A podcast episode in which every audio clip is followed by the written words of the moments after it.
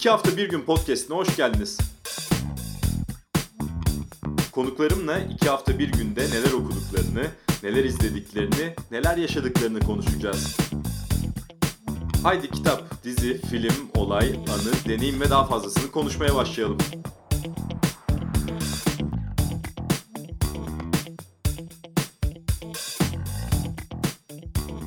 İki hafta bir günün yeni bölümünde konuğum Türkiye'de yayıncılık, kitap yayıncılığı denince akla gelen ilk isimlerden biri Can Yayınları Yönetim Kurulu Başkanı ve Sokrates Dergisi yöneticisi Can Öz. Merhaba abi hoş geldin. Abi hoş bulduk. Çok teşekkür ederim davetin için bu arada. Çok severek dinliyorum çünkü yaptığın podcast'i. Ayrıca seni de yaptığın işleri de. Ee, çok memnuniyetle katıldım bugün. Bir de konu tabii çok çekici bir konu. Evet ben de oradan başlayacağım. Şimdi e, ne zamandır zaten aslında başladığından bu yana benim not ettiğim isimler arasında sen de varsın ama uygun anı bekledim ve en güzeli de bu yayının bir hikayesi var. O hikayeyi kısaca paylaşayım ondan sonra başlayalım. Ee, ben Can Öz'e mesaj attım ve e, sevdiği bir yazarı aslında konuşmak istediğimi söyledim. Bu, bunun ucu da çok açıktı. Ee, Can Öz çok da zorlanmadan, çok da tereddütte kalmadan iki isim önerdi Hiç, hiç. bana. İki isim. O iki isimden de ben de zorlanmadan Isaac Asimov'u seçtim. Ee, doyasıya Isaac Asimov e, konuşacağız. Öyle söyleyeyim. Ama önce bu tercihi bir sorayım. Nasıl bu kadar kolay olabildi? Bu kadar kitap okuyan birisi nasıl bu kadar kolay karar verebildi buna? Ee, Bir kere iyi bir okur kadar kitap okuyorum ben de. Yani yayıncı olduğum için zaten bir yayın evinden çıkan bütün kitapların hepsini deli gibi okumuyorum. Yani en azından kimseye mahcup olmayacak kadar, konu hakkında fikrim olacak kadar göz atıyorum ama okumuyorum bir kere zaten. O yüzden, o yüzden dinleyicilerin arasında iyi okurlar ne kadar okuyorsa ben de o kadar okuyorum denebilir. Ee, ayrıca konuya girmeden şeyi sana söylemek istiyorum. Ee, çok çok mutluyum hakikaten bu konuyla ilgili davet aldığım için. Çünkü e, epeydir Sokrates'in hikayesi, Caner'ın hikayesi, yayıncılık hikayesi, yeni medya serüvenleri falan hepsi ilgilendiğim konular ama o kadar çok bu konularla ilgili programa katıldım, röportaj verdim ve benzer şeyleri aslında değiştirmeye çalışarak anlattım ki yani müthiş bir soluk benim için Asimov konuşacak olmak. Abi Asimov'u ben çok çok severim. Zaten birazdan anlatacağım da. Yani Asimov'u özel olarak diğer yazarlardan ben niye ayrı bir yere koyuyorum? Tabii ki gençken, çok gençken okumuş olmam çok önemli bir etken. Çünkü hep öyledir ya. Yani gençken aradığın, e, bulduğun heyecanları, bulduğun, karşılaştığın merakları, e, korkuları, e, dehşetleri, sevinçleri falan hepsini ararsın veya hepsinden kaçarak geçirirsin ömrünün geri kalanını bir bakıma. Yani Asimov da benim o yaşlarda okuduğum diğer kitaplar gibi veya o yaşlarda dinlediğim müzikler, o yaşlarda izlediğim diziler, o yaşlarda tanıdığım arkadaşlar gibi tabii sonrasında gelenlerden daha büyük bir iz bıraktı hayatımda. Ama bence sebebi sadece bu değil. Bilmiyorum tabii ki okurlar karar versin ama e, bence hakikaten e, kendi adıma söyleyeyim en sevdiğim yazar olması yazarın çok çok iyi bir yazar olmasından kaynaklanıyor. Burada e, bugün arkadaşlarla Medyascope'da konuşuyorduk. Onlara söz ettim. Asimov'u konuşacağım Can Özde diye. Onlar da çok heyecanlandılar. E, Hı. ama ben de düşünmüştüm. Onlar da aynı şeyi düşündüler. E, Can Yayınları'nın yönetim kurulu başkanı olan Can Öz e, kitapları Can Yayınları'ndan basılmayan bir yazarı öneriyor. Şimdi bu da çok hoş bence. Ama Bununla artık ilgili de ab- abi bak bir şey söyleyeceğim. Bu hoş falan değil. Şimdi bak böyle şeyler hoş dediğimiz zaman bunun aksi normalmiş gibi oluyor. Ya bu, Normali bu hoş falan değil yani. Ya abi yani ne demek yani düşünebiliyor musun? Ben şimdi mesela Sokrates Bistro da benim değil mi? Bir küçük restoran. Şimdi bana hangi yemeği seviyorsun oradaki menüden şeyler mi söyleyeceğim ben sana? Bu mudur yani normal yani? Tabii ki doğal bir şey bu. Ee, ayrıca Asimov'u yayınlamayı da çok isterdim. Ama kıymet verdiğim bir yayıncının e, çok uzun yıllardır emek vererek yayınladığı bir eser olduğu için zaten şüphesiz ki buna saygı duyup keyifle okuyoruz. Itaki'de yayınlanıyor isimlerini Asimov. de heh, evet anmakta bir beis yok. İtaki yayınları da çok Hayır canım arkadaşlarımız, Evet. dostlarımız hepsi zaten. Yani yayın piyasası e, evet rekabet ederiz. Evet birbirlerimizin yazarlarına teklifler yaparız. Birbirlerimizin çalışanlarına da teklifler yaparız. Bu işin doğası gereğidir zaten. Ama bu konularda birbirimizle konuşabiliriz. En azından birçok yayıncı için bu geçerli. Zaten sonuç olarak da Türkiye'de şimdi yeni yayıncılığa girdim ama çok kısa girip çıkaracağım. Bunu söylemem lazım. Itaki'den bahsetmişken çünkü önemli bu. E, zaten Türkiye'de birçok yayıncının diğer sektörlerin aksine e, Türkiye'nin bundan 30 sene önceki köklü yayıncılarının bugün hala aynı büyüklükte, aynı etkide olduğunu e, görüyoruz. Bunun da bir sebebi var zaten. İşte bu kültür e, köklülüğü ve bu sayede de tabii iyi ilişkilerimiz var. O yüzden çok rahat da konuşabiliriz yani. Ben de iki kelime bir şey söyleyeyim bu konuda. Şimdi Tabii podcast ile ilgili böyle panellerde falan bir araya geldiğimizde ben de kimseyi rakip olarak görmüyorum kendime. Yani e, Yo, ben herkesi rakip olarak değiliz görüyorum. zaten. Ha, yani yo ben şöyle düşünüyorum aslında. rekabet ediyoruz Yani yani. evet ama ne kadar yani çok Itaki'den çok iyi kitap okuyan birisi sonra gelip can yayınlarından da kitap alacaktır. Yani buradaki ana amaç bu tip durumlarda bence Oyun pastayı diyorsun, genişletmek diye düşünüyorum. Evet, yani ben herkesten, her alanda, yaptığım her işte işin daha iyi olması için bir rekabet duygusuyla ilişki kurarak eee, herkesten bozuk cümle oluyor ama neyse artık. Zaten hayatımda ilk katıldığım canlı yayında da biz can yayınları olarak iyi Türkçe yapmaya çalışıyoruz demiştim. Dolayısıyla bu konuda zaten çok parlak bir sicilim yok. Neyse yani rekabetin çok önemli olduğunu düşünüyorum. Geliştirici olduğunu düşünüyorum. Dolayısıyla bunun ters bir şey olmadığını düşünüyorum aslında. Her konuda rekabetin en sertini yaptığınız insanlara bile bunu açık açık konuşabilirsiniz. Eee, burada bir sorun olduğunu düşünmüyorum. Ay, ay, Yayıncılık ben konuyu esir aldım ve yayıncılığa götürdüm. Yok. Hiç istemiyorum. Yayıncılıktan geri geleceğim. Şimdi e, Tamam. şuraya geleceğim en başına aslında. O çocukluktan bahsettik. Bu Asimov hikayesine de oradan başlayalım o zaman. O Hı hı. o ilk ana gidersek, ilk Asimov okuduğun anda onu diğerlerinden farklı kılan şeyleri nasıl fark etmiştin veya sana neler hissettirmişti? Ya şimdi tabii bugün ben daha çok e, Asimov'un bütün hikayelerinin ötesine geçip Vakıf serisinden bahsetmek istiyorum ama evet çok haklısın. İlk okuduğum Asimov e, Vakıf serisi değildi. Ben Robot kitabıydı. Annem çok severdi Asimov'u. Annem bilim kurgu ve fantastik edebiyatı çok düşkündür. O Yüzüklerin Efendisi'nde ilk elime oturtmuştu zaten. Vakıfı da, Rama'yı da falan hepsini okutmuştu bana. Eee, ve okumaya başlamıştım ben de. Eee, tabii hasta olmuştum yazdıklarına. Yani onun o robot kurallarına, o mantık eee, üzerinden ve çok basit bir mantık üzerinden. Yani üç tane, çok sade, çok basit ve birbirlerine çelişmesini engelleyecek o üçüncü aslında onun dışında bir işe yaramayan kuralla. Dolayısıyla onu saymazsak aslında iki kuralla sadece. Robotların bütün dünyada nasıl çalıştığını anlatıyor. Ve sadece bu iki kural üstünden ortaya çıkan hem sosyal hem psikolojik hem teknolojik eee, insanlığın bütün uygarlığını baştan sona etkileyen devasa çelişkileri çok sade insanlar üstüne anlatıyor. Şimdi bu zaten yanılmaz bir şey. Çocukken de çok etkileyici ama bugün de çok etkileyici. Yani Asimov'un mantıkla kurduğu ilişki çok küçük bir mantık probleminden çıkarabildiği hikaye miktarı dehşet verici bir beceri yani. Ama tabii daha sonra Vakıf serisini okudum ve zaten bugün Vakıf serisinin tamamı değil, o esas 3 kitap. Yani ondan sonra yazılan işte prequel'ler var, önceki iki kitap var. Daha sonra çok yıllar sonra yazılan işte o e, sonraki iki kitap var falan. Onlardan bahsetmek istemiyorum. O esas 3 kitaplık Vakıf serisinden bahsetmek istiyorum. Tabii o bence hakikaten benim okuduğum, dünyada yazılmış en etkileyici epik roman serisi. Buna bütün en iyi bildiğimiz edebiyatçıları da kendi adıma dahil edebilirim.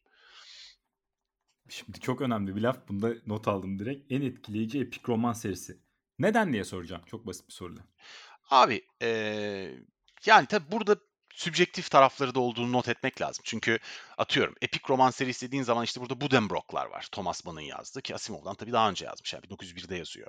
O da dört jenerasyonu işliyor falan. Lübeck'te yaşayan bir ailenin hikayesini yazıyor. Onun tabii edebiyat dediğinde aklına gelen bir takım özellikler, özellikle dili eee, çok daha ince ve şiirsel kullanmaktan bahsedeceksek ve dil ustalığından bahsedeceksek daha yüksektir mesela tabii.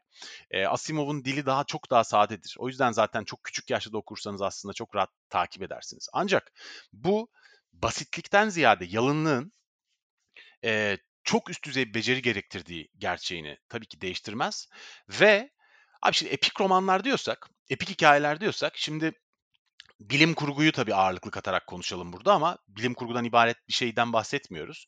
Yani işte Asimov'dan önce yazmış, işte H.G. Wells yazmış, Huxley yazmış değil mi? Çok büyük bilim kurgucular bunlar.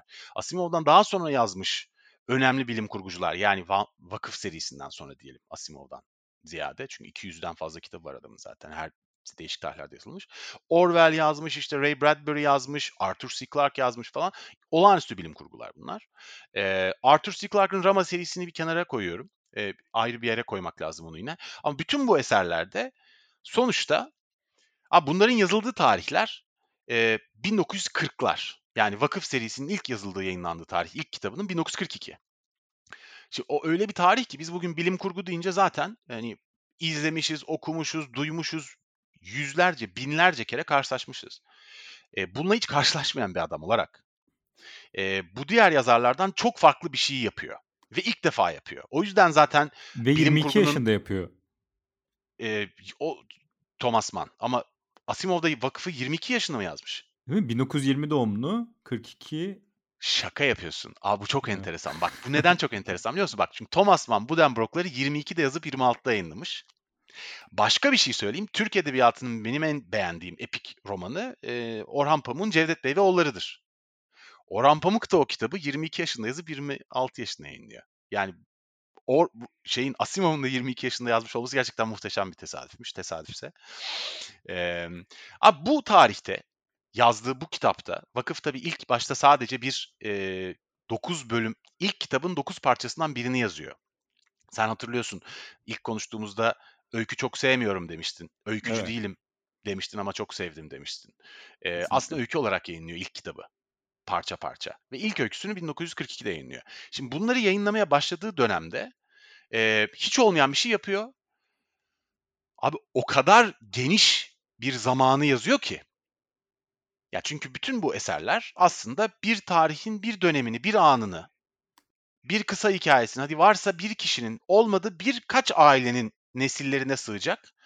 Hani insanların zaten gündelik hayatta birbirlerine anlatabildiği genişlikte bir hikaye çerçevesinde yazılırken abi Asimov'un yazdığı kitap eee, şöyle bir yerden başlıyor bak. Hesapta Vakıf serisinin hikayesine göre e, tam bugünlerde aslında 2000'lerde ki aslında kitabın yazıldığından 60-70 sene sonra yıldızlar arası seyahat keşfediliyor.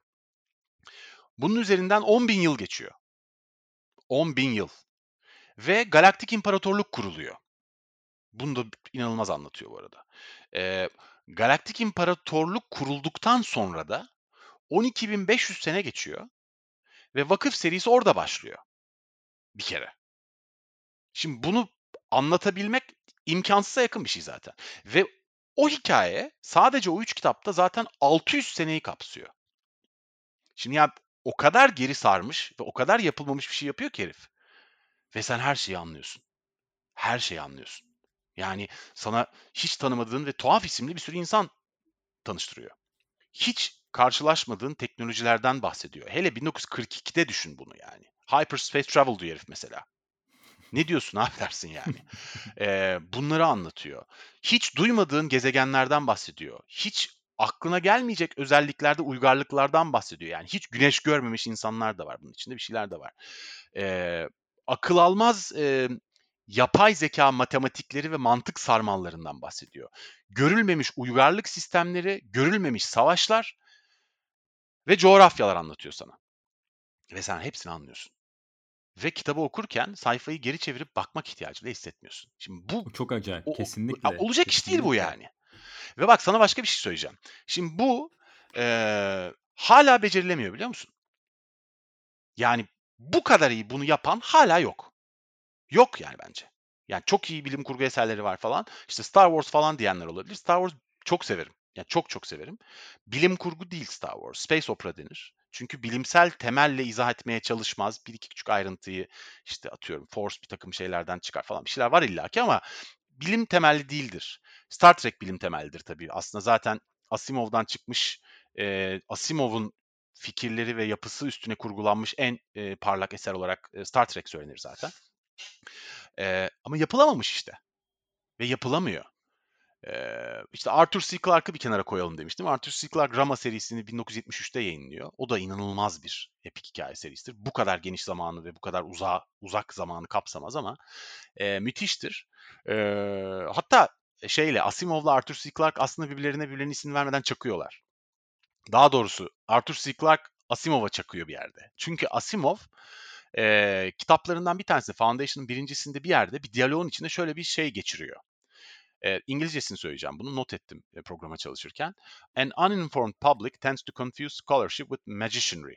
İngilizcesini söyledim çünkü benim Türkçe çevirim yetersiz olabilir. İngilizce bilenler için bu önemli olacaktır.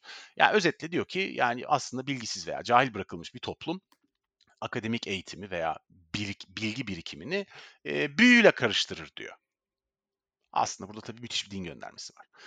E, Arthur C. Clarke da Rama serisini yazdıktan sonra verdiği bir röportajda diyor ki e, aslında cahil bir toplum diye bakmış ya e, Asimov. O da diyor ki insanlardan çok çok ileride bir e, bilimle büyünün arasında aslında zaten bir fark yoktur diyor. Şimdi dolayısıyla burada hep zaten bu tartışma olmuş. Yani işte Star Wars'a space opera diyoruz ama aslında belki de dünyanın en bilim kurgucu iki yazarından bahsediyoruz. Hani bilim kurguyu gerçek bilim kurgu yapan yazarlardan bahsediyoruz. Asimov ve Arthur C. Clarke. Onlar bile mutabık değil bu konuda. Dolayısıyla bu konuda tabii çok çelişkili tartışmalar var ama özetle ya adam bunları öyle bir becermiş ki buluşlarıyla, karakterleriyle, hikaye akışıyla benim için okuduğum gelmiş geçmiş en iyi epik roman serisi İlyada'yı, e, Homeros'un eserlerini falan da hepsini dahil ederek söylüyorum bunu kendi adıma. Zaten adamın e, adamın bu hikayeleri yazarken esinlendiği temel e, daha sonra verdiği röportajlardan öğrendiğimiz kadarıyla Roma İmparatorluğu aslında. Yani aslında insanlık tarihinde bildiğimiz, yakından hikayesini bildiğimiz en geniş zamanı ve coğrafyaya yayılmış imparatorluktan bahsediyoruz zaten.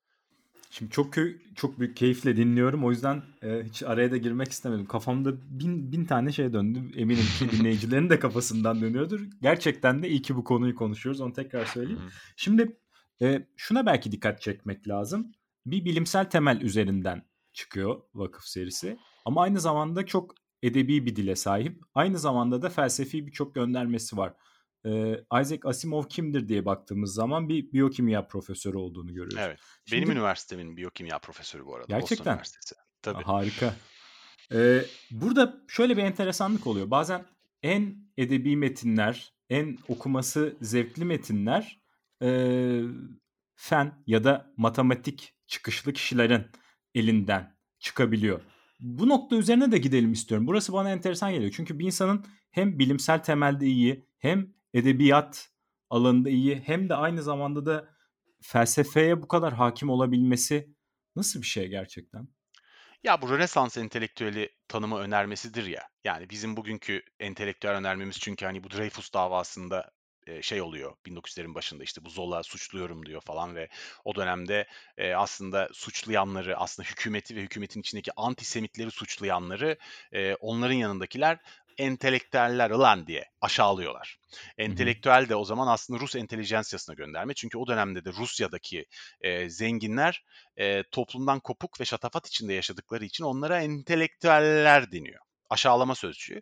O tarihten sonra entelektüel tekrar tanımlanıyor. İşte Camus, Sartre falan. E, ama bir de tekrar tanımlanan bu Rönes şey e, entelektüelden önce bir de Rönesans'ta yapılan entelektüel tanımı var. O müthiş bir tanım bence. Bu tanıma göre e, aslında birden fazla yani tahminen 3 falan e, yani farklı farklı uzmanlık alanlarında e, toplumun geri kalanından çok daha fazla bilgi ve birikime sahip birden fazla ol- olması önemli ve bu farklı alanlardan e, toparladığı bilgileri bir araya getirerek topluma yeni önermeler getirebilen insan demek. Leonardo da Vinci mesela yani adam tıp ve anatomi de biliyor, e, aerodinamik de biliyor böyle bir manyak yani ve bunları bir araya getirebiliyor ve bir şeyler çıkarıyor ortaya ve mimari çıkıyor ve bunların hepsini bir araya getirebildiği için çıkıyor. Şimdi tabii ki bu bir Rönesans entelektüel tanımı ama bugün e, bir yazarın böyle olmasına gerçekten gerek yok yani iyi bir yazar olmak için. E, hakikaten hiç böyle olmayan çok fazla iyi yazar biliyoruz yani. E, bu doğru bir şey değil bence. E, ama tabii bir bilim kurgu yazarı için özellikle uygarlıkları böyle geriden inceleyerek e, anlatmak için bu çok önemli. Mesela şeyde bugün konuştuk işte e, Yüzüklerin Efendisi ama herifin adını unuttum. Yuh. Tolkien. Tolkien, J.R.R. Tolkien. Hı hı. Teşekkür ederim. E, J.R.R. Tolkien da filologdur mesela. O da onun üstüne kurar. Zaten orada diller yaratmış falan. O dillerden yola çıkarak zaten hikayeleri oluşturmuş. Yani ama yani en nihayetinde hikayeye bir katkı sağlamakta bir uzmanlık çok yararlı. Orası kesin. Ama mesela Türkiye'de atıyorum mesela doğru mesela şey Roald Dahl mesela çocuk yazarı a- diye biliyoruz ama yetişkinlere kitap yazarak başlıyor. İngiliz ordusunda pilot ve bir kaza yapıyor ve kafasından yaralanıyor ve bir daha uçması yasaklanıyor. İlk yazdığı hikayeler aslında pilot askerlerin hikayeleri ve çok çok iyidir yani. Veya Türkiye'de aslında buna mukabil Cemil Kavukçu bence Türkiye'nin en iyi öykücüsü olabilir veya birkaç tanesinden birisidir. E, Cemil Kavukçu da aslında gemici. Ve çok çok çok güzel gemi hikayeleri var. Onun yazdığı başka birçok insan hikayesi var daha sonra ama ya bunlar tabii çok yardımcı oluyorlar.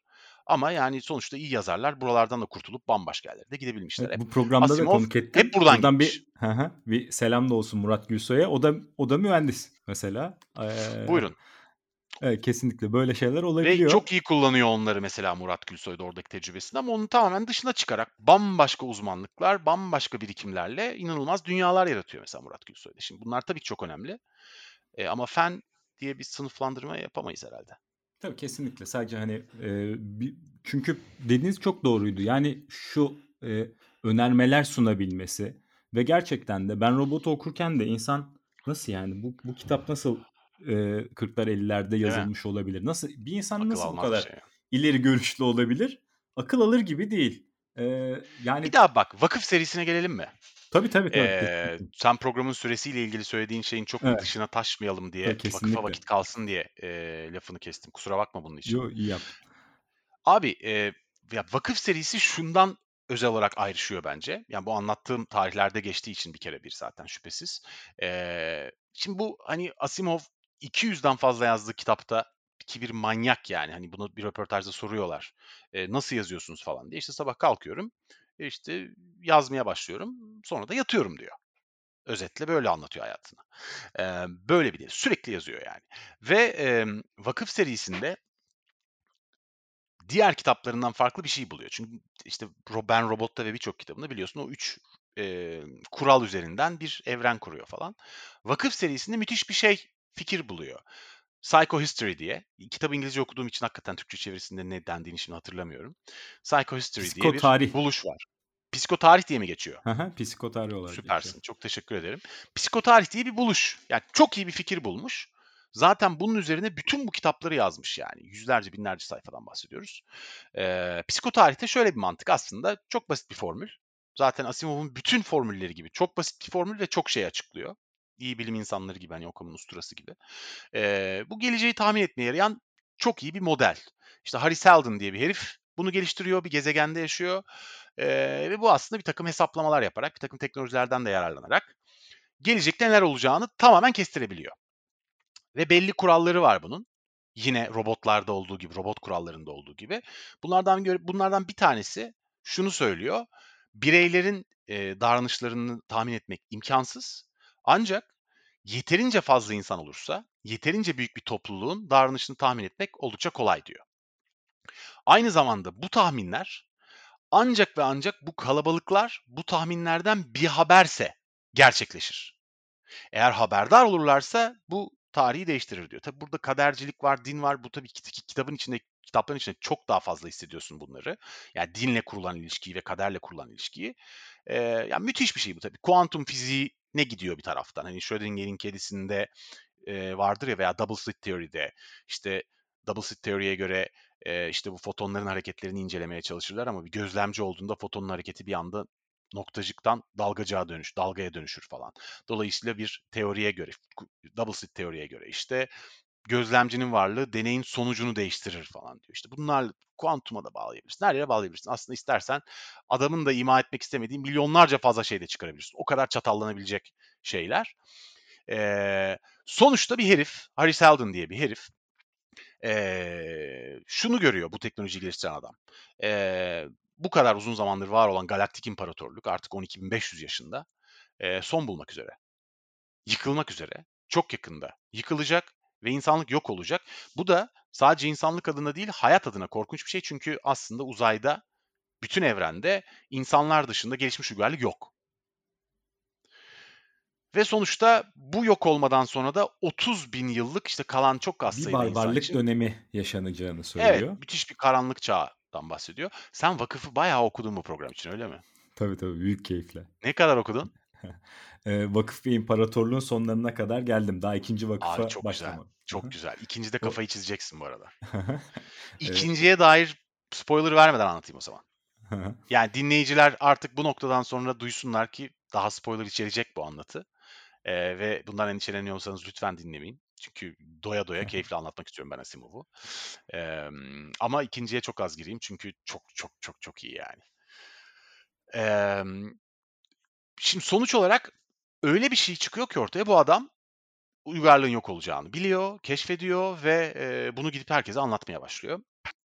Ve bir takım siyasetçileri ikna ederek şöyle bir şey yapmaya karar veriyor bu. Bu 30 bin sene sürecek karanlık çağı bin seneye indirebilirsek, insanlık bunu çabuk atlatabilirse, biz de bu süre içinde bir alternatif uygarlık kurabilirsek bir yerde, bundan korunan, e, insanlık ondan sonra da devam edebilir. Ve gidiyor evrenin ucunda hakikaten, evrenin kenarı diye tarif ediliyor zaten, e, bir gezegende vakıfı kuruyor. aslında birinci vakıfı kuruyor. Evet, eee, ben de bir ekleme yapayım. Lütfen. imparatorluğun eee, kovduğu bilim insanlarının gelmesiyle de oluşturulan bir yer, vakıf. Evet, gerçekten bilim insanları ve bir de insanların eee, şey kısmı önemli bu bilime girmişken. Vakıfın temel eee, teorisi de eee, bilimin çok hızlı gelişmesiyle beraber insanların duyguları ve duygusal davranışlarının arasında bilimle bir denge kurmaya çalışan bir uygarlıktan bahsediliyor. Eee, şimdi burada tabii enteresan bir şey oluyor. Şimdi orada bir takım ansiklopediciler var. İşte galaktik ansiklopediyi yazıyorlar. Her şeyi kaydediyorlar. Her şeyi not ediyorlar. Hem geçmişin bilgilerini de derliyorlar. Arşivciler bunlar. Eee ilk kitapta bir yerde bir bundan sonraki bütün kitapların hikayesini ortaya çıkaran bir fikir daha ortaya çıkıyor ondan sonra.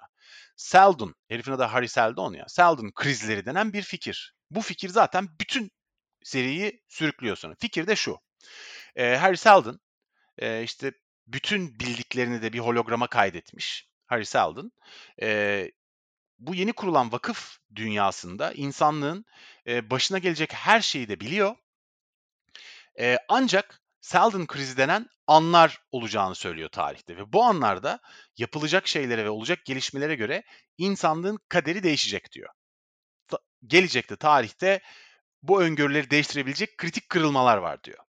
Eee, ve kitap bunun üstüne aslında. Kitaplar hep bunun üstüne. Çünkü Seldon krizlerinin olduğu anlarda yaşanan hikayeler ve ama ne hikayeler? Yani ne kadar geniş bir eee hikaye evreni var. Şimdi notlarımı okuyamıyorum sen okumadın diye. Eee, ama Ben, ben yani şunu ben şunu söyleyeceğim. Aslında en şaşırtıcısı belki de şimdi yozlaşmış ve yıkılması beklenen bir imparatorluk var. Ee, bayağı yozlaşmış bir yapı. Artık sonu gelmiş. hı. Her türlü yolsuzluğun yaşandı vesaire. Bunun karşısına tertemiz bir vakıf koymuyor. Ee, vakıfın da birçok sorunu var. Vakıf da Çok. belli anlamlarda yozlaşmış bir yapı. Mesela bu da çok önemli bir nokta bence.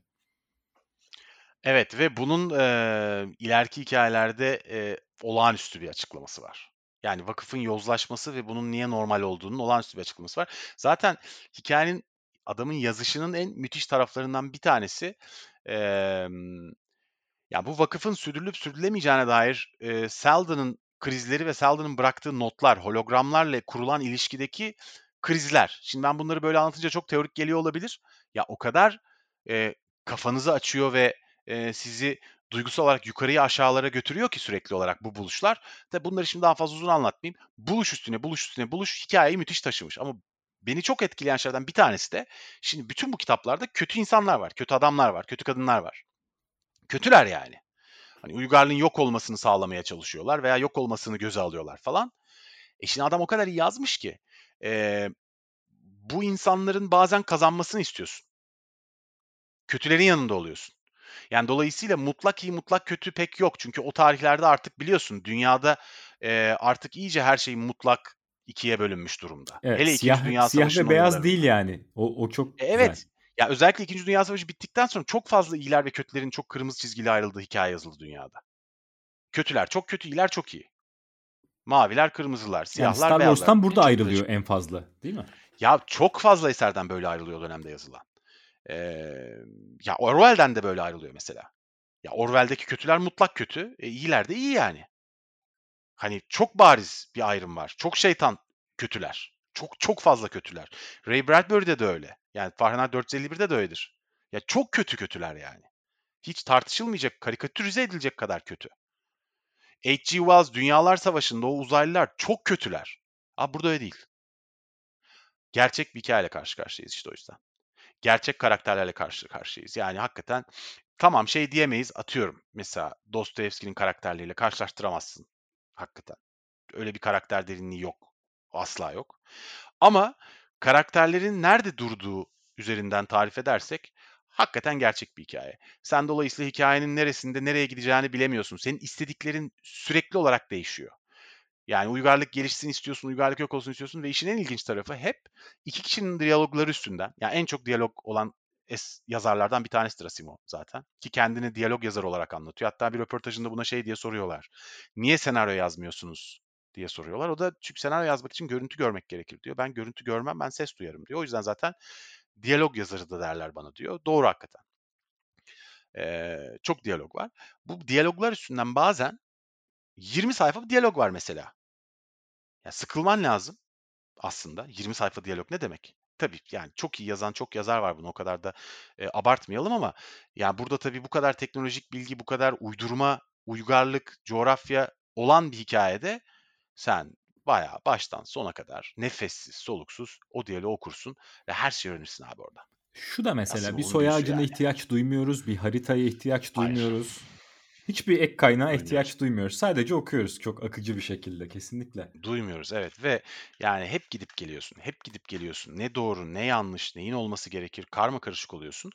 Ve tabii zamanın çok ilerisinde olan hikayelerden hep bahsederiz.